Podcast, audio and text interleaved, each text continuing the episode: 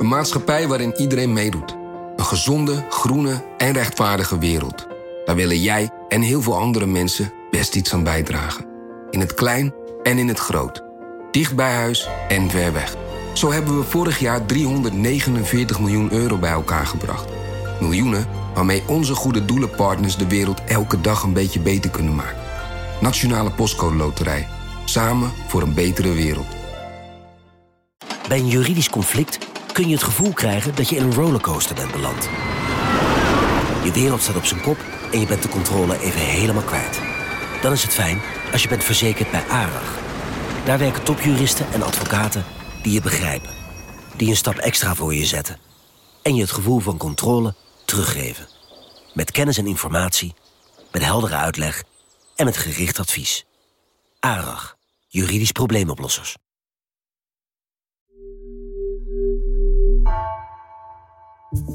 Vanaf de redactie van NRC het verhaal van vandaag. Mijn naam is Egbert Kalsen.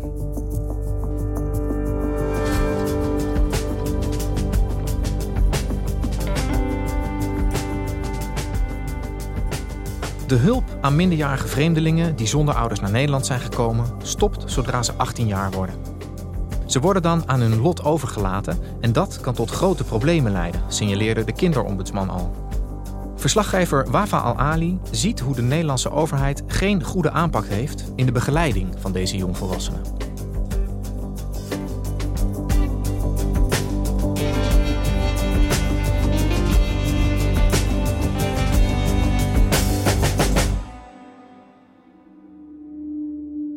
Kort geleden ontmoette ik Abdurrahman Mezib. Hij is een 21-jarige jongen uit Jemen. In dat land woedt al sinds 2014 een bloedige en zeer wrede oorlog. Hij vertelde me dat hij op zijn zestiende voor die oorlog is gevlucht. Na een lange reis die ongeveer zeven maanden in beslag heeft genomen en waar hij door landen als Mali en Mauritanië richting de Middellandse Zee is gegaan om deze over te steken, is hij op zijn zeventiende in Nederland aangekomen. En zoals alle asielzoekers die naar Nederland komen, heeft hij zich moeten aanmelden bij het aanmeldcentrum in Ter Apel. En omdat hij minderjarig was, was de Nederlandse overheid vanaf dat moment verantwoordelijk voor zijn opvang en begeleiding. En die opvang en begeleiding viel op zijn 18e verjaardag weg, omdat het in Nederland zo is geregeld dat wanneer een asielzoeker 18 jaar oud wordt, dan wordt gezegd: uh, Nou ja, je bent nu zelfstandig geworden, je staat er helemaal alleen voor. En wat je ziet is dat uh, hoe het systeem nu geregeld uh, is voor deze groep jongeren, tot gevolg kan hebben dat deze groep uh, in grote problemen kan belanden wanneer ze hun 18e verjaardag bereiken. Ja, Wafa, jij ontmoette deze 21-jarige jonge man. En hij was alleen toen hij hier aankwam. Waar, waar was zijn familie? Nou ja, uh, Abdurrahman is uh, op zijn zestiende dus voor uitgestuurd. En wat dat inhoudt is dat in zijn geval uh, heeft zijn familie hem alleen op pad gestuurd naar Nederland om veiligheid te zoeken. En dan is het idee, op het moment dat jij een verblijfsvergunning ontvangt, dan kunnen wij via gezinshereniging op een veiligere manier naar Nederland komen. En wat gebeurt er dan met jongens als Abdelrahman als ze aankomen in Nederland als alleenstaande minderjarige vluchteling? Nou, in Nederland moeten alle asielzoekers zich melden eh, in Ter Apel bij het aanmeldcentrum. Daar is hij dus naartoe gegaan. In principe zit je daar dus een eh, paar dagen. Totdat je dan zeg maar je eerste gesprek met de IND eh, hebt gehad. En zodra dat is gebeurd, word je naar een ander asielzoekerscentrum in Nederland gestuurd. In zijn geval duurde het zes maanden. Dus uh, Abdel heeft zes maanden in Ter Apel gezeten.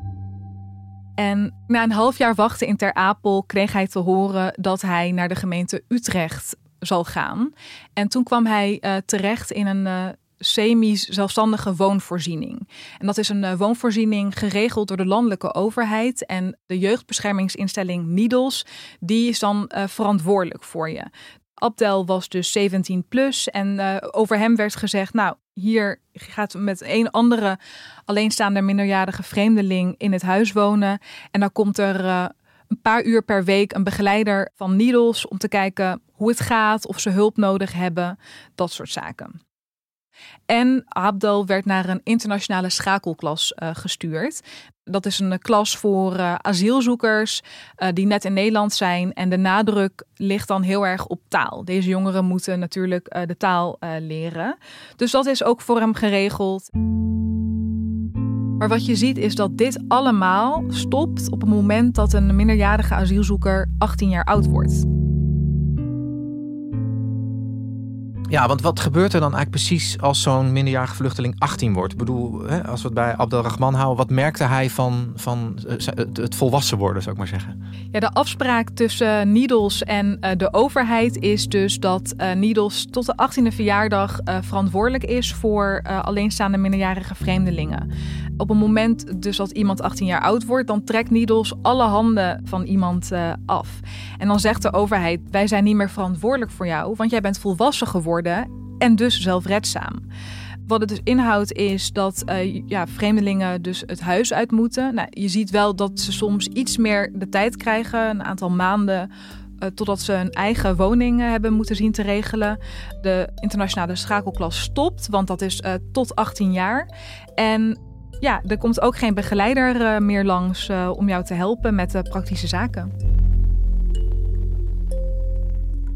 En, en hoe pakte dat in het geval van, van Abdelrahman uit? In het geval van Abdelrahman betekende dat dat hij zijn overgang naar een andere opleiding zelf moest zien te regelen.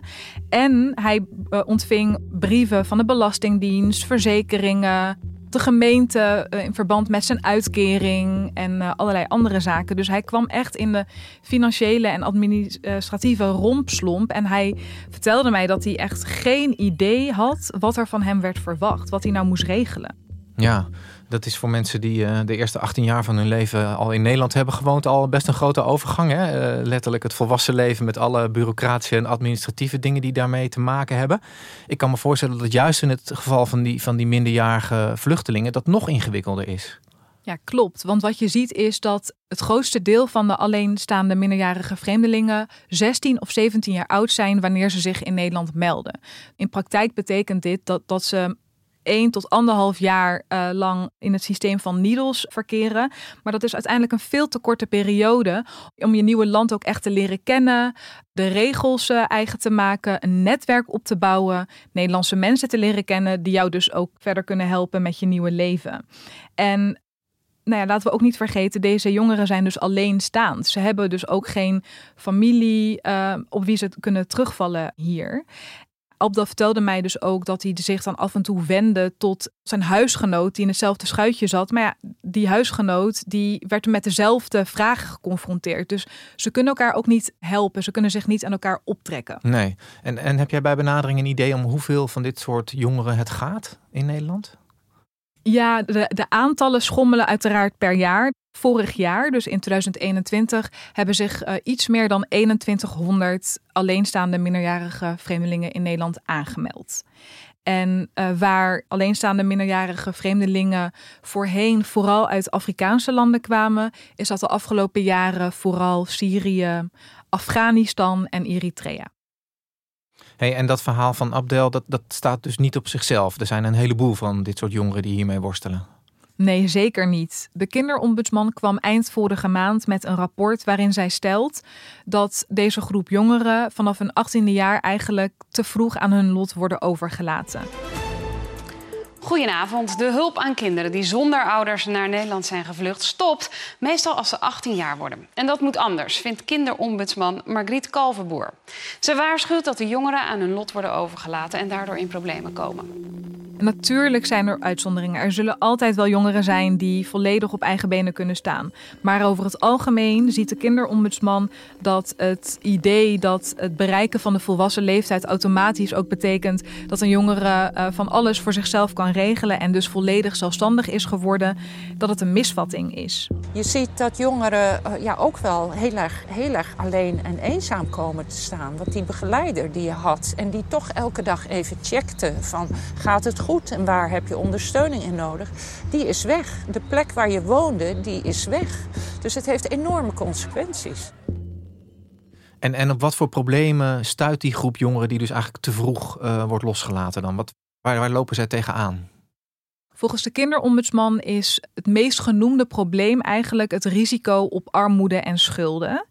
Dat komt dus omdat deze jongeren vanaf hun 18e jaar dus met de Belastingdienst en allerlei verzekeringen uh, te maken krijgen. Maar dus bijvoorbeeld ook iets van een uitkering of uh, studiefinanciering. Dat is, ja, dat, zijn, dat is gewoon een moeras aan financiële regelingen. En als je dat dus niet goed in kaart weet te brengen voor jezelf, dan liggen schulden heel snel op de uh, loer. ja, verder zie je ook dat deze jongeren, omdat ze dus vanaf hun 18e jaar niet meer automatisch in het onderwijssysteem worden meegenomen, is dat ze dan uh, bijvoorbeeld ja, op een te lage niveau worden gezet uh, of op een andere manier niet kunnen meekomen in hun vervolgopleiding. En de consequentie daarvan is, is dat er dan ook uh, schooluitval dreigt. En laten we ook niet vergeten, deze jongeren zijn voor een oorlogs- of een ander conflict situatie gevlucht. En ze dragen al heel veel bagage met zich. En dan komen ze in een nieuw land heel even onder het toezicht van de Nederlandse overheid. Maar vanaf de 18e verjaardag dus groot risico op armoede en schulden. En wat de kinderombudsman dan ook ziet is dus dat in deze groep veel naar drugs en alcohol wordt gegrepen. En echt niet omdat deze jongeren het nou zo lekker of leuk vinden, zegt ze. Maar omdat ze geen andere manier kunnen vinden om met die stress en zorgen om te gaan. Ja, en tot hun achttiende is dat vangnet uh, redelijk goed geregeld. Hè? Dat schetste jij al. Wie is daar eigenlijk verantwoordelijk voor die, voor die 18-plussers? Zeg maar? Waar ligt daar de, de verantwoordelijkheid? Tot het 18e levensjaar is dat dus NIDELS. Dat is een uh, jeugdbeschermingsinstelling. en die treedt dus in opdracht van de landelijke overheid op als voogd voor deze alleenstaande minderjarige vreemdelingen. En vanaf het 18e levensjaar, ja, zou je kunnen zeggen dat de gemeenten waarin deze jongeren leven uh, verantwoordelijk zijn. Maar dat betekent niet per definitie dus dat die gemeente zich ook meteen over deze jongeren ontfermt. En weten die, die jongvolwassenen dan de weg naar zo'n gemeente wel te vinden? Een deel uiteindelijk wel, maar dan zie je dus dat, uh, dat het moment dus eigenlijk te laat komt. Want de problemen hebben zich dan opgestapeld en uh, dat komt dus ook omdat gemeenten niet proactief met deze jongeren bezig zijn. Dus het is aan de jongeren zelf om zich dan te bedenken: oké, ik heb nu zulke grote problemen. Of het nou schulden zijn, een verslaving, depressie, andere psychische nood. Het is nu zo groot voor mij geworden, ik kan geen kant meer op.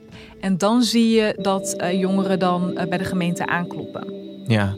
En dan hebben we het nu nog over uh, jongeren die 18 worden en een verblijfsvergunning hebben. Hè? Dus die zijn toegelaten zeg maar, tot, het, uh, tot de Nederlandse samenleving. Dan zijn er natuurlijk ook een heleboel die überhaupt die verblijfsvergunning niet eens krijgen. Wat gebeurt er met hun als ze 18 worden? Nou ja, heel simpel, uh, Egbert. Voor deze groep is helemaal niks geregeld. Kijk, voor kinderen hebben we internationaal rechtelijk afgesproken Nederland is verantwoordelijk tot hun 18e jaar of ze nou wel of geen verblijfsvergunning hebben. Maar na hun achttiende worden ze dus compleet losgelaten. Omdat Nederland dan zegt: je mag hier eigenlijk niet blijven. En we gaan dus ook niks doen om jou hier nog langer te kunnen houden. En dan staan ze er helemaal alleen voor. Deze jongeren uh, kunnen niet naar school. Want in Nederland heb je voor een inschrijving een verblijfsvergunning nodig. En ze ontvangen ook geen geld meer vanuit de overheid. En uh, wat je dan ziet is dat deze jongeren vaak in de illegaliteit belanden. En het gevaar daarvan is, is dus dat uh, misbruik op de loer ligt. Uh, veel van hen komen in de mensenhandel terecht ja, of andere uh, criminele zaken. En, en, voor die jongeren die dat lot treft, ja, is de situatie nou, redelijk hopeloos, zou je kunnen zeggen. Um, maar ook voor die groep die dus wel die verblijfsvergunning heeft gekregen, zitten er nou, op zijn minst gaten in het systeem. Ze vallen na hun achttiende buiten de boot. Um, hoe, hoe moet dat nou verder? Bedoel, wordt er nagedacht over hoe je dit kunt verbeteren? De kinderombudsman komt uh, in het rapport met uh, twee belangrijke aanbevelingen. Eén daarvan is, is dus om de opvang en begeleiding met drie jaar te verlengen. Dus in plaats van de 18e verjaardag zou de 21e verjaardag het moment moeten worden om, om deze jongeren los te laten. En een andere aanbeveling is dus dat op landelijk niveau allereerst een ministerie moet gaan opstaan die zegt: oké, wij nemen de verantwoordelijkheid op ons om met oplossingen voor deze groep uh, te komen. En die dat dus uh, tussen alle verschillende ministeries coördineert.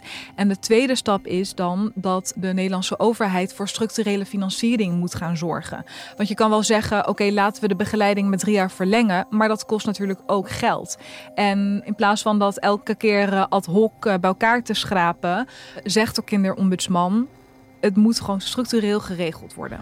De oplossing voor jongeren die 18 worden is dat de zorg en de hulp die ze nu krijgen, dat die verlengd wordt. Want geen enkel kind, ook niet een kind dat niet gevlucht is, is met zijn 18e volwassen en in staat om helemaal op eigen benen te staan.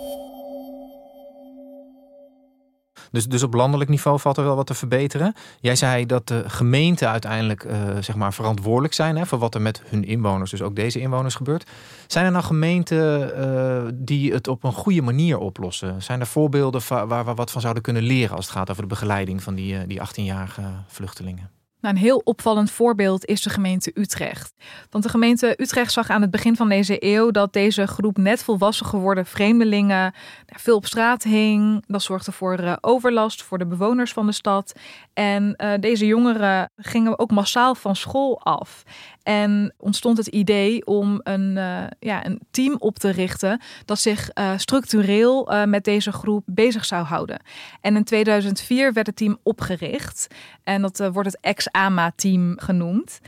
En een van deze jongeren is Abdel. Want hij had het geluk dat hij in de gemeente Utrecht werd geplaatst. Oké, dus Abdel is, is in Utrecht opgevangen. Wat, wat voor hulp bieden zij hem? Wat doen ze voor hem?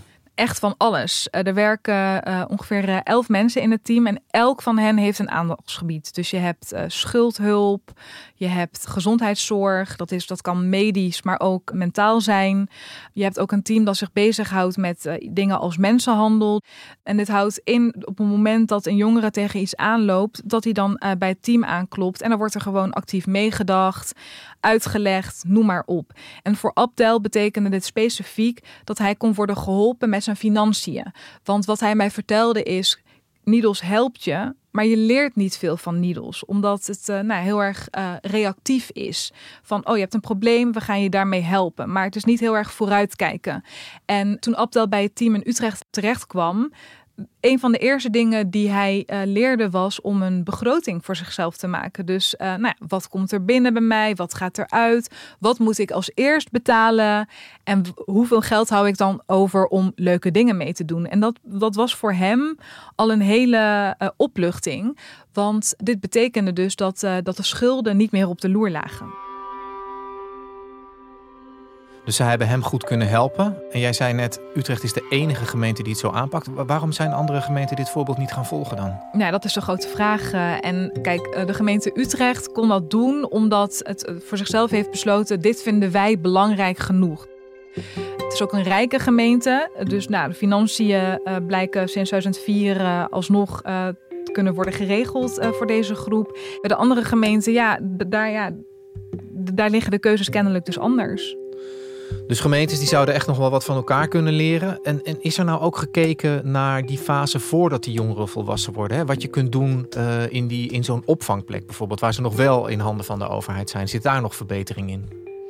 Nou, de kinderombudsman uh, vindt van wel. Uh, zij uh, is in april op een onverwacht werkbezoek bij het aanmeldcentrum in Ter Apel geweest. En zij heeft mij verteld dat zij eigenlijk door dat bezoek heeft moeten concluderen dat het voor deze jongeren eigenlijk vanaf het begin niet goed is geregeld. Want deze groep jongeren heeft in Ter Apel helemaal niks te doen. Begeleiders vertelden haar ook dat ze deze jongeren niet eens meer wakker maken overdag, omdat ja, er is geen school, er zijn geen activiteiten, ze mogen niet werken. Haar werd verteld, waarom zouden we ze, wakker maken? De kinderombudsvrouw werd gealarmeerd door de woorden van de burgemeester van Groningen dit weekend. Hij zei dat de omstandigheden in het aanmeldcentrum in Ter Apel een beschaafd land onwaardig zijn. De kinderombudsvrouw ging zelf kijken en concludeert nu dat asielkinderen zonder ouders in Ter Apel mentaal verwaarloosd worden. Ze lopen daar extra trauma's op. En het punt dat zij wil maken is: zorg ook gewoon dat in het aanmeldcentrum al uh, genoeg te doen is voor deze uh, kinderen, zodat ze een goede kans krijgen om uh, een nieuw leven op te bouwen hier in Nederland.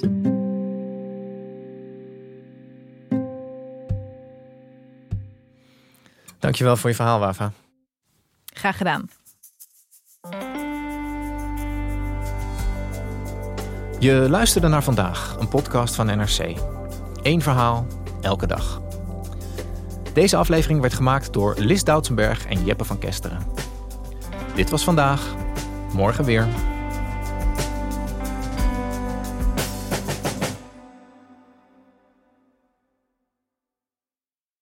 Nieuw Aquarius Red Peach Zero Sugar. Met zijn heerlijke frisse persiksmaak zonder suiker draagt Aquarius bij tot jouw dagelijkse hydratatie en helpt zo mee om je vochtbalans op peil te houden tijdens alledaagse actieve momenten. Thuis, op het werk of onderweg. Ook verkrijgbaar in smaken lemon en orange. Probeer hem nu.